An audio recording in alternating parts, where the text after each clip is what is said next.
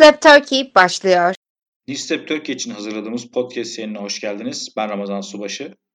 Ben Betül Arslan. Bu hafta clickbait haberciliği ile ilgili konuşacağız. Konuğumuz Twitter'dan ve Ekşi Sözlük'ten tanıdığımız Casey Jones. Casey'e hoş geldiniz diyeceğiz. Yayına başlamadan önce kendisini kısaca bir tanıtıyorum. Casey hem Ekşi Sözlük yazarı dediğimiz gibi 76 İstanbul doğumlu. İstanbul'da uzun bir süre yaşadıktan sonra ve muhabirlikten genel yayın yönetmenine kadar çeşitli görevlerde bulunduktan sonra yaklaşık bir buçuk sene kadar önce İstanbul'u terk edip Muğla'da bir kasabaya yerleşmiş. Şu anda Muğla yayınımıza katılıyor. Clickbait bayağı popüler son zamanlarda ve e, Türkiye'de sosyal medya kullanımının da çok olduğunu görüyoruz. Öte yandan bu kadar fazla sosyal medya e, aracı ortaya çıktığından dolayı da farklı mecralarda farklı konumlanmalar var. Ve Twitter aslında insanlar için alternatif haber kaynağı haline geldi. Ee, insanlar artık haberleri biraz daha Twitter üzerinden takip edip buradan e, haber almayı tercih ediyorlar. Ve e, bu noktada da clickbait kavramı karşımıza çıkıyor. Casey ben sana ilk olarak clickbait'in nasıl ortaya çıktığını sormak istiyorum.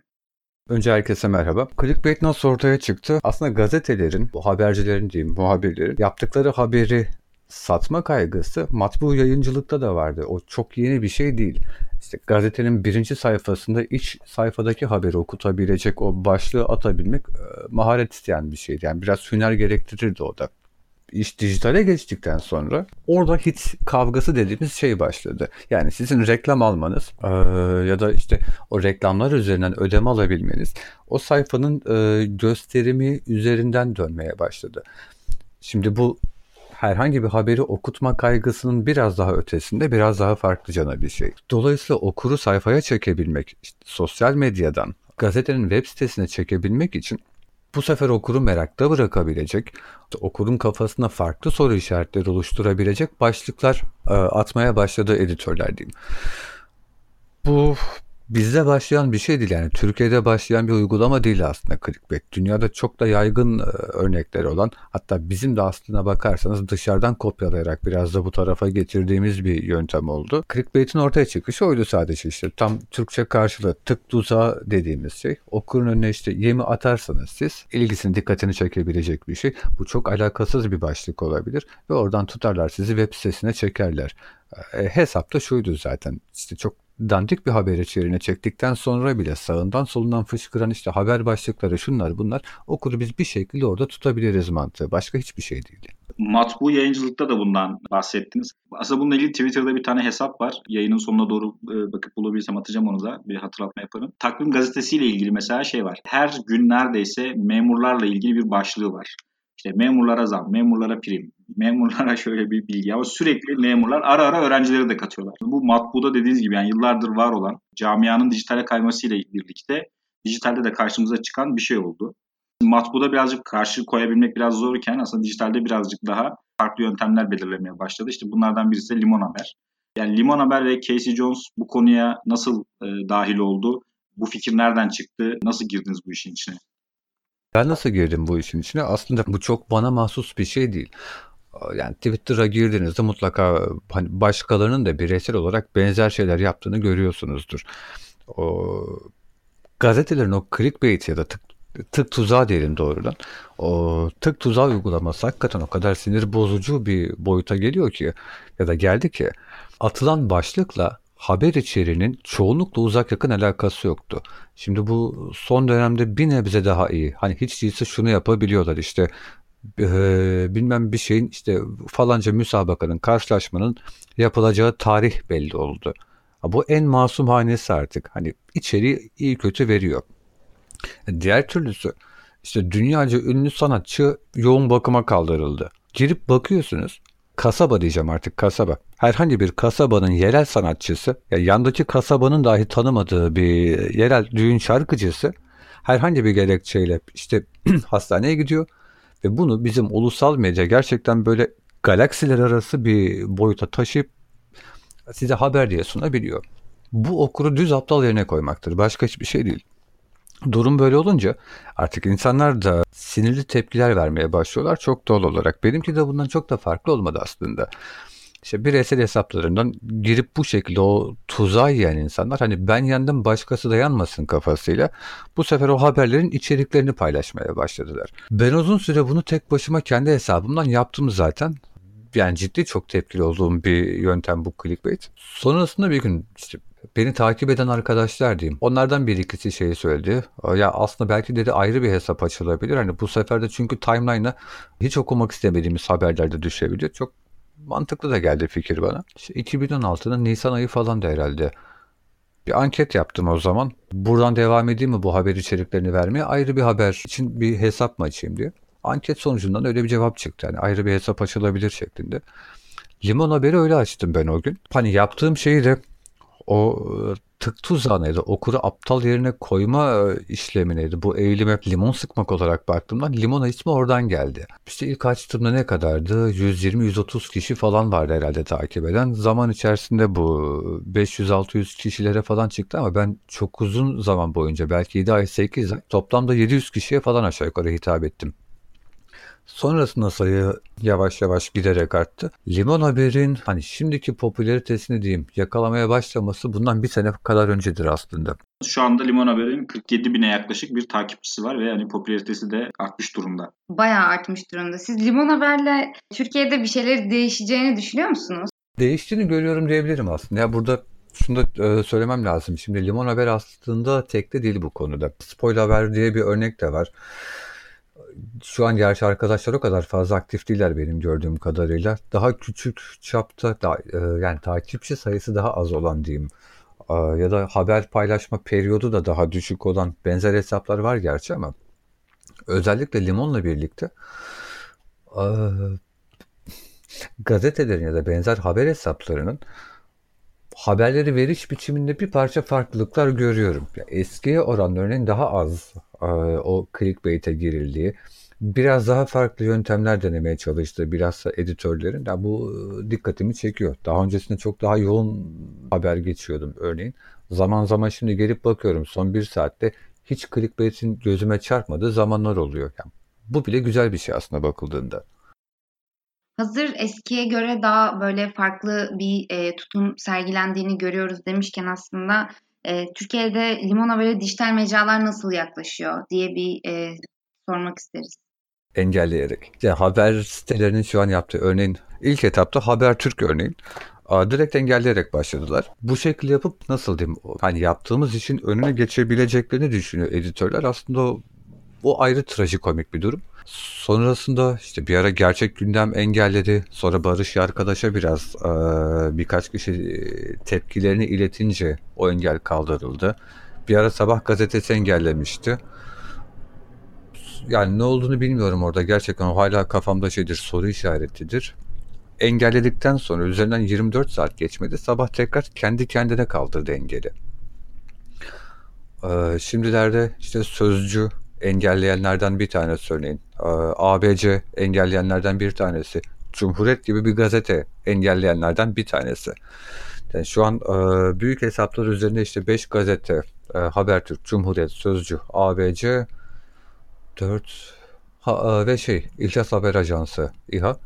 5, bu 5 üzerine engelliyiz. Onların haberlerini örneğin ben dışarıdan tekrar girip işte ekran görüntüsü alarak e, aynı şekilde vermeye devam ediyorum. Yani burada çok da değişen bir şey olmadı benim açımdan. Cumhuriyet, e, ABC, işte Sözcü e, birazcık da aslında muhalif tarafta da e, bu yaklaşımı sürdürme eğilimi olduğunu mu görüyoruz yani sizi engellemeleri ve bu, sizin o haberli içeriklerini paylaşmanızı engellemeleri birazcık daha aslında bu clickbait meselesinin e, muhaliflikten de çok bağımsız bir şey olduğunu hani çok böyle ana akım medyada görebileceğimiz birçok şeyi e, hatta muhaliflerin daha ileriye gittiğini belki söyleyebiliriz burada. Mesela sabah e, şey koyup engellemeyi koyup tekrar kaldırdığını söylediniz ama şu anda işte Cumhuriyet'ten, Sözcü'den, ABC'den e, engelli olduğunu söylüyorsunuz. Şöyle bir şey. Hani böyle bir clickbaitle mücadele gibi bir durum falan yok muhalif basında. Muhalif basından kastım tabii bu özellikle saydıklarım işte. Yani Cumhuriyet eğer sayılabilirse hani sözcü işte isimlerini verebileceğim şekilde yok yani onların yayının politikası tamamıyla clickbait üzerine. Diğerlerinde olduğu gibi. Ki bu konuda aslında Oda TV açık ara öndedir. Clickbait'i kullanma biçimiyle. Hemen ardından CNN Türk gelir. Kendi istatistiklerim var çünkü onları da zaman zaman takip ediyorum ben. Ee, şimdi Habertürk yani Habertürk ne kadar e, clickbait yapıyorsa Cumhuriyet en az o kadar yapıyor. Ki Cumhuriyet'in bu yayın politikası son özellikle bir, bir buçuk yılda falan böyle şekillendi. Hatta bir buçuk yıl yok bile aşağı yukarı bir yıl gibi bir zamandan bahsediyorum. Ee, yani diğer basına baktığımda da aralarında çok da bir fark yok. Ee, hani bu işi nasıl çözeriz? İşte clickbait yerine ya da okuru aptal yerine koymak, e, okuyucumuzu kandırmaya çalışmak yerine nitelikli habere nasıl ulaşırız gibi bir kaygı yok. En düz yöntemle, en düz kafayla hani aynı sistemi biz nasıl besleriz? Bu sistemden kendimizi nasıl besleniriz? Tamamıyla böyle bir yayın politikası bu. Başka hiçbir şey değil. Cumhuriyet'ten bahsetmişken aslında yaklaşık bir buçuk yıl kadar önce Limon Haber engellediğinden bahsettiniz. Yani yakın zamanda da bir yönetim değişikliği oldu biliyorsunuz. Ee, yeni yönetimle iletişime geçtiniz mi ya da onların e, görüşü de eski yönetimle aynı mıdır? Bu konuda herhangi bir fikriniz var mı? Yani açıkçası ben herhangi birisiyle iletişime geçmedim. Yani bu yönetim değişikliğinde geçmedim ama şöyle bir şey oldu. Ee, Cumhuriyet'in Limon Haber'i engellemesi işte Bülent Mumay'ın gelmesiyle oldu ve Bülent Mumay döneminde oldu. Twitter'daki kendi hesabımdan Casey Jones üzerinden Bülent Mumay'a birkaç defa da yazdım hatta. Benim haricimde başka yazanlar da oldu ama örneğin Bülent Mumay benim normaldeki başka konulardaki mentionlarımı yani görmesine rağmen buna herhangi bir şekilde geri dönüş de yapmadı. Gördüğünden de çok da eminim. Onun üzerine ben de çok da fazla zorlamadım açıkçası ondan sonra. Yönetim değişikliğinin ardından da yani şu an için en azından limonla ilgili herhangi bir tasarruf olduğunu gö- gözlemlemedim şu ana kadar. Gerçi yayın politikasına baktığımda da internet üzeri e, bazlı konuşuyorum bunu. Hani Cumhuriyet gene aynı e, clickbait politikasını sürdürüyor. Eğer yeni yönetim de e, aynı şekilde clickbait'ten beslenmeye devam edecekse tahmin ediyorum onların da tavrı limonu bu anlamda çok da farklı olmayacaktır. Hani bu biraz şey e, nasıl diyeyim korkunuzun olup olmamasıyla alakalı bir şey. E, yani benimle röportaj yapan gazetelerden bir tanesiydi örneğin Evrensel herhangi bir gazete bir korkusu olduğunda size kalkıp bu şekilde hani kendi sayfasına yer verebilir mi? Yok. Adamların zaten clickbait düzeltiyorum. Ee, insanların çok cinsiyetçi olup bu kusura bakmasınlar. Ee, insanların zaten böyle bir korkusu, kaygısı yok. Yani dolayısıyla size clickbait üzerinden çok rahatlıkla çalış, e, konuşabilirler. Ama hani yeni yönetim Cumhuriyet açısından yok abi biz aynı has, e, aynı tas aynı hamam e, devam ederiz diyorlarsa ya, muhtemelen Limon orada engelli olarak kalacaktır. Kendi aralarında konuşuyor mudur? E, konuşuyorlar mıdır? Bilmiyorum ama muhtemeldir. Yani zira Limon'u takip eden çok sayıda gazeteci olduğunu biliyorum. Yani sağdan da soldan da aynı şekilde. Yani sektörün içinde de arkadaşlarım var. Zaman zaman konuşulduğunu tahmin edebiliyorum diyeyim. Ama nasıl değerlendirecekler onu zaman gösterecek. Peki bununla beraber Oda TV, CNN bu konuda çok iyi olduğunu söylediniz. Muhalif basında da böyle bir durum var. En iyi anlaşabildiğiniz yani açık ara clickbait'e karşı bir duruş var mı veya kimde bunu görüyorsunuz? Yanlış anlaşılmadan hemen şunu da düzelteyim. Oda TV ve CNN bu işte iyi derken clickbait'i yapma konusunda çok çok iyiler. Oda TV'nin 10 haberinden 12 tanesi clickbait. Ya o boyuttalar şu an. CNN keza aynı şekilde. Benim bir dönem en fazla verdiğim haber CNN Türkiye aitti. Sorunuzun cevabına geleyim clickbait'in tam karşısında duran ve okuruna gerçekten saygısı olan açık ara en iyi haber kurum ya da gazete kesinlikle evrensel. Tüm haberleri açıktır. Şimdiye kadar ne kadar oldu işte iki buçuk sene oldu ben limonu açalı. iki buçuk senede Evrensel'in zannediyorum iki tane haberini verdim. Hatta birinin altına da özellikle not düştüm. Evrensel yapmazdı böyle bir şey hayır olsun falan gibilerinden. Yok yani yayın politikası bu anlamda Evrensel'in gerçekten okuruna saygılı bir biçimde devam ediyor. Bu haberin içeriği bellidir, nettir. Eğer o haber uzun ve okunmayı gerektiren bir şeyse ne olduğunu bilerek içine girersiniz. Ha yok değilse işte falancanın tarihi belli oldu gibi muallak bir ifade yoktur orada. Şu tarihte şu yapılacak, bu tarihte bunu görüşülecek gibi net ifadelerle haberi aktarırlar size. Tweetlerinde sadece. Onun haricinde Diken bu konuda gerçekten iyidir. Diken'in de zannediyorum şimdiye kadar verdiğim haberi yani beşi bulmamıştır diye tahmin ediyorum. Bir ara böyle. O da birkaç günlük bir süre. Hani artık kendilerinde deneme mi yaptılar onu da tam çözemiyorum ama 3-4 haberi zaten sadece 2-3 gün içinde verdim. Bir ara öyle bir yoğunlaşır gibi oldu. Sonra tekrar kesildi. Diken örneğin bu konuda gerçekten iyi. Aynı biçimde son derece saygılıdır. Bunların haricinde benim çok takdir ettiğim biraz daha farklı bir alana, farklı bir yere koyduğum 9-8 haber var örneğin. 9-8 hani malum e, yurttaş haberciliği yapan yaygın bildiğimiz anlamının biraz daha dışında, o biçimin biraz daha dışında e, haber yapan e, arkadaşların bir arada olduğu bir kurum diyeyim artık. 9-8'in haberleri zaten doğrudan açık ve net sizi clickbait'le çekebileceği herhangi bir mecra yok zira. Doğrudan o haberi olduğu gibi bütünüyle işte eğer eski tarihli bir ilişiği varsa 6 ay önce attıkları tweet'in altına bugünkü tweet'i de ekleyerek konu bütünlüğü de sağlayarak okura en iyi ve en güzel şekilde veriyorlar. Bu üç kurum 9-8 evrensel ve diken yani gerçekten bu işin yani clickbait'in tam karşısında olan ve haberciliği bana göre gerçekten hakkıyla yapan en iyi üç kurum diyebilirim. Peki ben şey sormak istiyorum. İki buçuk senedir bu konuyla ilgili takiptesiniz ve aynı zamanda aslında takipçilerinizden de size bu konuda çok fazla destek geliyor. Sizi şimdiye kadar en fazla şaşırtan en iyi clickbait örneği ne oldu? Bir sürü örnek sayılabilir de en iyi clickbait örneği demek çok doğru olur mu bilmiyorum. Belki çok şaşırtmak da diyemeyeceğim ama karşılaştığım birkaç ilginç örnek de şu an geliyor aklıma. Birinde paylaşılan tweette link yoktu örneğin. Yani bayağı bildiğiniz düz linki koymamışlar. Küçük bir ifade yazmışlar bırakmışlar. Aynı gazetede şöyle bir şeyle karşılaştım. Haberin görselini vermişler. Tweette hiçbir şey yazılmıyor. Hani ne link var ne metin var. Görselde var ama o da çok mu muallak. Hani siz baktığınızda görselden herhangi bir şey de anlamıyorsunuz. Ben o görseli daha evvel yani ajans haber olduğu için o. Ajanstan almışlar. Doğrudan oradan kopyalamışlar. Fotoğrafını koymuşlar oraya. Üzerine de çok doğru düzgün bir yazı yok.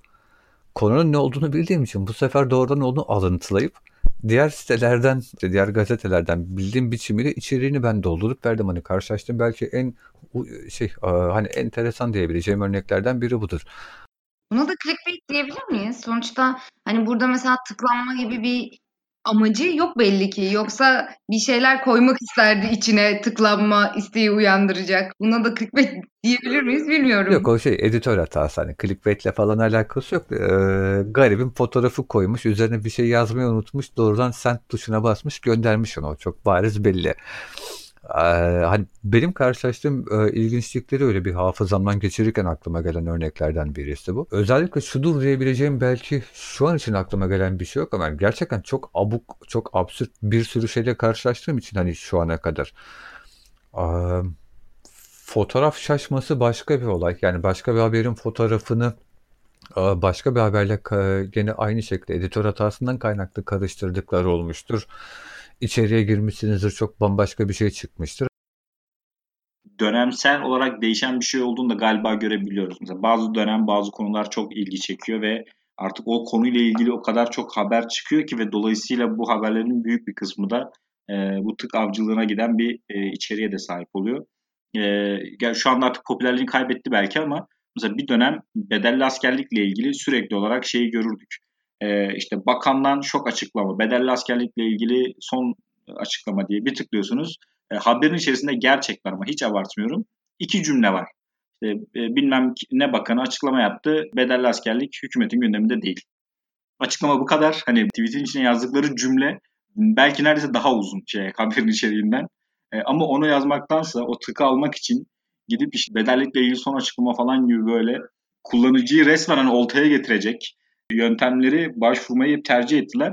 Bu dönemsel değişen bir şey olduğu için soruyorum. Mesela farklı dönemlerde farklı yaklaşımlarda sergiliyor mu Limon Haber? Haklısınız orada. Şöyle bir şey şimdi aslında deminki soruya da belki bir nebze cevap olabilir. Bu şu an aklıma geldi. Hangi gazetenin de hatırlamıyorum ama gene bir siyasiyle ilgili bir şey. Tweet'e bir girdik. Daha doğrusu tweet önümüze bir düştü. İşte çok flash açıklama.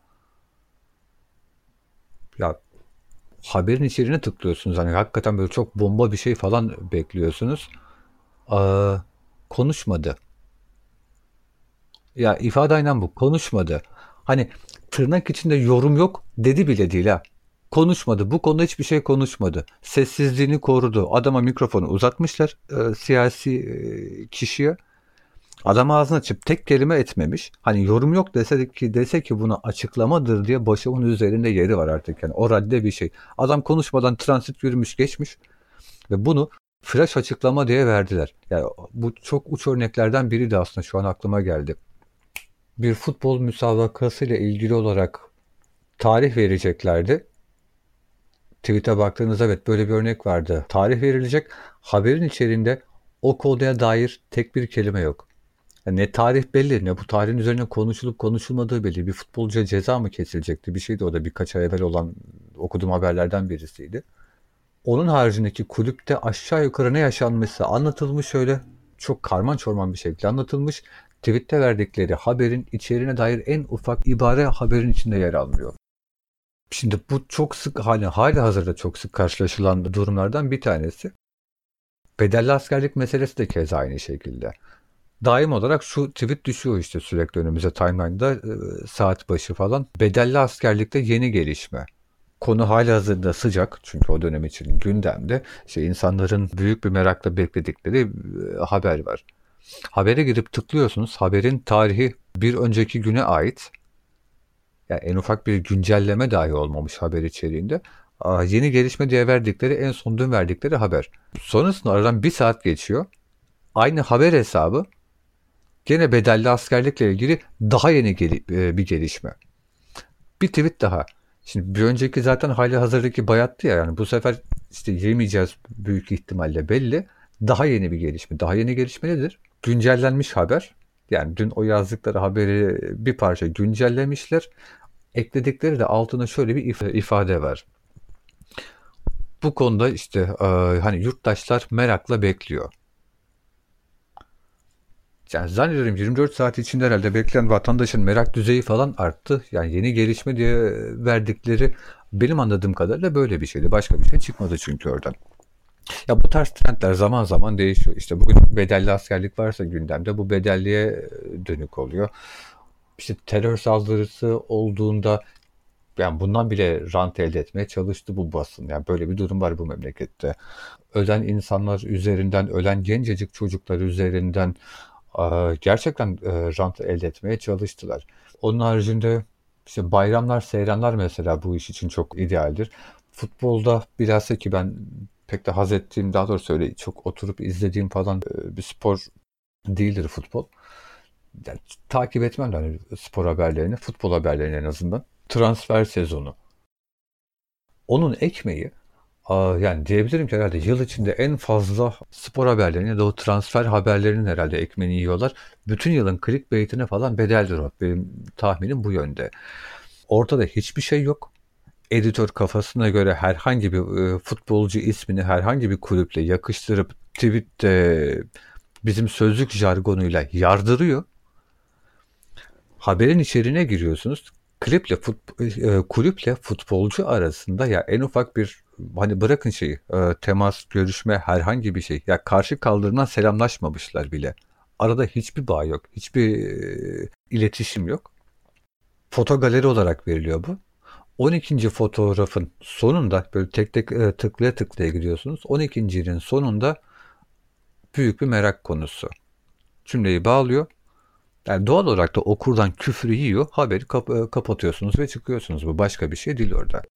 Aslında bu birazcık da bu sistemin de bir parçası. Eğer bundan bu şekilde para kazanıyor olmasalar insanlar da bu şekilde içerik girmiyor olurlardı diye düşünüyorum ben. Yani bunun önüne geçmek için de aslında dünya basınında farklı uygulamalar da görmeye başladık. İşte Facebook özelinde olsun bunun cezalandırılması gibi. Bu konuyla ilgili Türkiye nerede duruyor diye ben sormak istiyorum aslında ve e, dünya basını dediğimizde ve bu farklılıkları ortaya koyduğumuz yerde Türkiye nerede farklılaşıyor? Türkiye hiçbir yerde durmuyor. Ben önce bir onu söyleyeyim. Biz eleştirirken sürekli editörleri falan eleştirip duruyoruz ya editörlerin burada çok fazla yapabilecek bir şeyleri yok. Gazeteleri aldıkları editörlerin benim görebildiğim kadarıyla ciddi bir kısmı aslında bu işi çok da iyi bilmeyen küçük çocuklar. Burada olay öncelikle bir kere gazete patronlarında bitiyor. Bu sadece gazete patronuyla da aslında alakalı. Yani Türkiye'deki o genel patron anlayışıyla o kafayla biraz ilintili bir şey minimum maliyetten e, maksimum verimi bekliyorlar. Böyle bir şey yok ya. Dünyanın hiçbir yerinde yok. İşte akabinde bunun genel yayın yönetmenleri, işte internet sitesinin e, editörleri, yönetmenleri, yöneticileri vesaire. O silsile şeklinde devam ediyor. Ya editör dediğiniz çoğunlukla 20'li yaşlarındaki genç çocukları oturtuyorlar oraya. Bir habercilik kökenli değiller. İşte muhabirlik herhangi bir şekilde yapmamışlar. Ee, normal şartlarda belki ellerine kalem alıp A'dan Z'ye doğru düzgün haberi dahi yazmamış arkadaşlar var sektörün içinde. Bizzat kendim biliyorum. Ya bu çocuklara işte şu haberi alacaksın. Sen sosyal medya hesaplarına gireceksin. Şimdi ne o? Ee, sosyal medya uzmanı ya da sosyal medya yöneticisi bu sıfatlarla işe alıyorlar. Şimdi o bizim sosyal medyadaki editörler dediklerimiz bunlar. İçeriğine girip okuduğumuz haberi yapan o muhabir yani çok doğal olarak bu işi benden daha iyi biliyorsunuz. Tabii ki size değil e, hani ukalalım. Hani dinleyenlere biraz daha netleştirmek açısından anlatıyorum. Muhabirin yaptığı haberle editörün yaptığı iş arasında çok da fazla doğrudan bağ yok. Dolayısıyla sıkıntı da şurada. Batı medyası bunu biraz daha konuşur hale geldi. İşte dün e, gene sizin e, paylaştığınız Doktor Bilge Narin hocamızın aslında konuyla ilgili çok da güzel bir yazısı var. Haberin daha fazla okunabilirliği için ne yapılabilir? Batı biraz daha bunları konuşuyor. İşte bu kim yerlerde abonelik sistemi olmuştur, kim yerlerde işte sunumdan, tasarımdan bahsediyordu Bilge Hoca. Türkiye'de bu konu nerede var? Basınla bir yandan iç içe olan ama mevcut yaygın basında da görevli olmayan işte sizler gibi arkadaşların konuştuğu konular bunlar. Şimdi reklam engelleyici dediğimiz bir şey var. Ee, hani bunların en yaygın olanı, en bilineni, e, bilineni adblock. İşte uBlock gibi örnekleri var falan filan. Bugün aslında okur zaten haber sitelerine girdiğinde o bir kere aşırı reklamdan yıldıkları için çoğunlukla reklam engelleyici kullanıyorlar. Bilgisayardan girenlerde de böyle. Artık e, tabletlerden, akıllı telefonlardan girenlerde de durum çok farklı değil. Çünkü bu uygulamalar reklam engelleyici uygulamalar bu cihazlarda da kullanılabiliyor. Dolayısıyla ben zaten hali hazırda işte clickbait ile ya da e, hangi yöntemle olursa olsun o siteye girdiğimde reklamla karşılaşmıyorum. Dolayısıyla gazetenin e, benden aslında baktığınızda bir kazancı yok. Bu yöntemle de bir kazancı yok. Şimdi oturup kimse bunu konuşmuyor gazetelerde. İşte bu çocukları, editörleri bu işin nasıl yapılması gerektiğini ya da işte e, okuru kaliteli içeriğe nasıl ulaştırabileceklerini de çok da fazla anlatmıyorlar. Bir beklenti var. İşte raporlama yapacaksın bana günlük, haftalık, aylık. Vay efendim burada hitin niye düşmüş? Sen niye okuyucuyu çekemiyorsun? Aa, niye burada hata yapıyorsun gibi. İşten çıkartma korkusu, baskı, yıldırım, o demokrasinin kılıcı gibi duruyor bu çocukların üzerinde. E ondan sonra siz hani en kabul edilmeyecek diyeyim e, clickbait örneklerini de sergilersiniz. En e, abuk subuk işlerde imza atarsınız belli bir yerden. Türkiye nerede duruyor? Yani Türkiye'nin durduğu yer tam burası şu an. Başka hiçbir şey değil.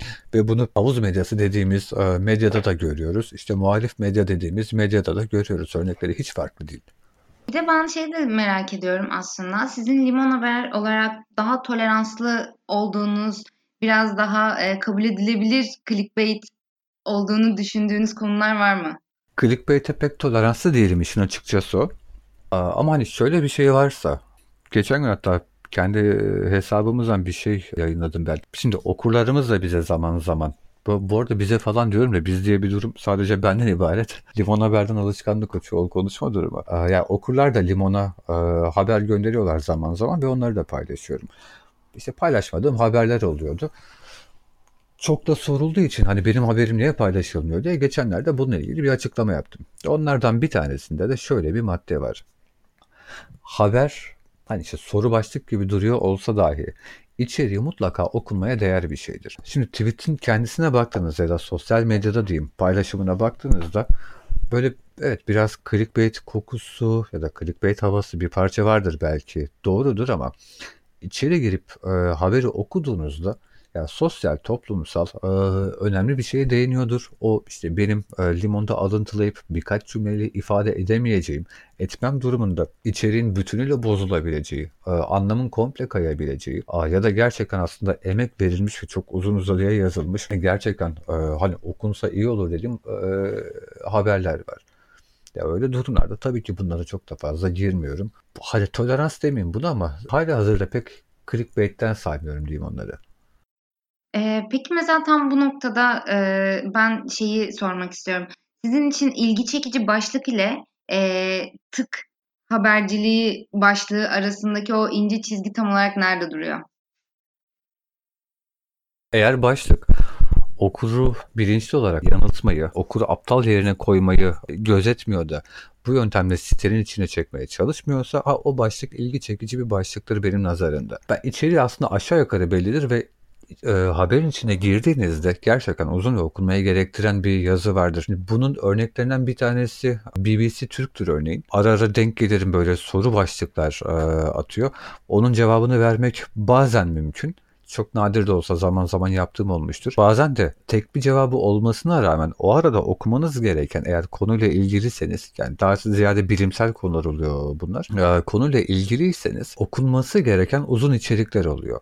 Şimdi buna dokunmayabiliyorum örneğin. Bilimle ilgili bir konuda BBC Türk'ün işte örneklerinde e, görüldüğü biçimiyle atılan başlık bana göre clickbait değil doğrudan ilgi çekici bir başlıktır. Bunun haricinde zaman zaman T24 aslında yapıyor bunu gene benzer bir alanda.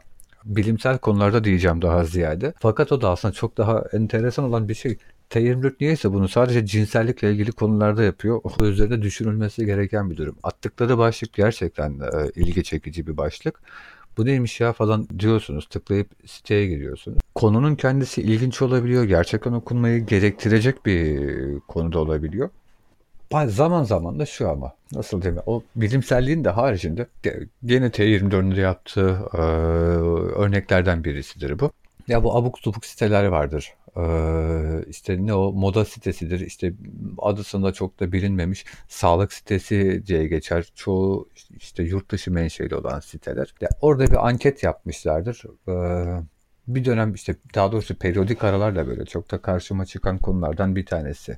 İşte en çapkın burç hangisi? Bunu başta çok ilginçleştirerek taşıyabiliyorlar zaman zaman da işte bu tarz sitelerden topladıkları böyle veri desem veri değil, bilimsel bir şey desem bilimsel bir şey değil. Bunun üzerinden yazı örneğin taşınıyor. Haberi siteye aynı kategoride verebiliyorlar bazen kurumlar. Ama dönüp baktığınızda içerik olarak içerik değil. Anlattığı şey de e, son derece boş ve gereksiz. Şimdi buna kullandıkları başlık hani ne kadar çok işte e, ilgi çekici gibi dursa da ne kadar çok değişik gözükse de ne kadar çok yaratıcı olsa da bunun adı da doğrudan clickbait'tir başka bir şey değil. Okuru bir çöpe yönlendiriyorsunuz çünkü e, kelimenin tam karşılığıyla. Başka bizim değinmediğimiz ama sizin söylemek istediğiniz bir şey var mı? Şunu söyleyebilirim aslında. Clickbait'in e, özellikle para kazanmak için artık çok da doğru bir metot olmadı. Çok da doğru bir yöntem olmadı. Tam tersi bunu yapan işte gazetelerin ya da haber hesaplarının e, okur sadakatini ciddi anlamda zedele, e, zedelediğini yayın kuruluşları bilmek zorunda. Ya bir kere önce bunu görmeliler. Kendilerine bu kadar saygısızlık yapan e, herhangi bir kuruma hiçbir okur sadakatle bağlanmaz okur sadakati denen bir şey var. Yani bunu çok uzun uzadıya burada açmaya gerek yok. Ee, bu işi yapan kişiler bunu çok daha iyi biliyorlar. İşte piyasa analizleriyle şu suyla bu suyla vesaire. Reklam engelleyicilerin bu kadar yoğun ve giderek e, artan şekilde kullanıldığı bir dönemde clickbait'ten medet ummak da yani sözcüğü de tam kullanmak isterim ama çok akıllı işi değil diyeyim ben e, en hafif biçimiyle. Ha bu clickbait bir gün biterse zaten en azından ben bu kadar mesai yapmış e, olmayacağım. Limon Haber hesabını muhtemelen kapatırım herhalde. Umarım da böyle bir şeyde gerek kalmaz. Limon Haber hesaplara gerek kalmaz. Bugün Casey Jones'la beraber Limon Haber özelinde clickbait haberciliğini konuştuk. Türkiye'nin dünyadaki örneklerden e, çok farklılaşmadığını aslında burada birazcık daha konvansiyonel medya ile beraber dijital mecralarda da belli alışkanlıkların devam ettiğini bir yandan da aslında kullanıcı sadakati dediğimiz konuya e, muhalif medya olsun ya da ana akım medya e, olsun her ikisinde de aslında bunun çok fazla ayrılmadığı konusunda e, örnekleri e, konuşmuş olduk. Casey Jones katıldığı için çok teşekkürler. Ben çok teşekkür ediyorum Biz Ramazan. için hazırladığımız Betül. podcast yayınının sonuna geldik. Bir sonraki yayında görüşmek üzere. Ben Ramazan Subaşı. Ben Betül Arslan.